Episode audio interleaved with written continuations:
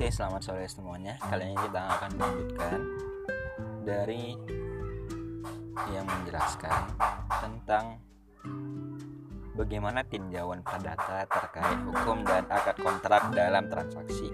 Oke, here we go. Perjanjian yang dibuat secara tertulis dengan kata lain kontrak merupakan suatu perjanjian atau perikatan yang sengaja dibuat secara tertulis sehingga dapat digunakan sebagai bukti bagi pihak yang berkepentingan. Dalam hukum kontrak konvensional secara teori, ada perbedaan dalam definisi antara perjanjian dan perikatan.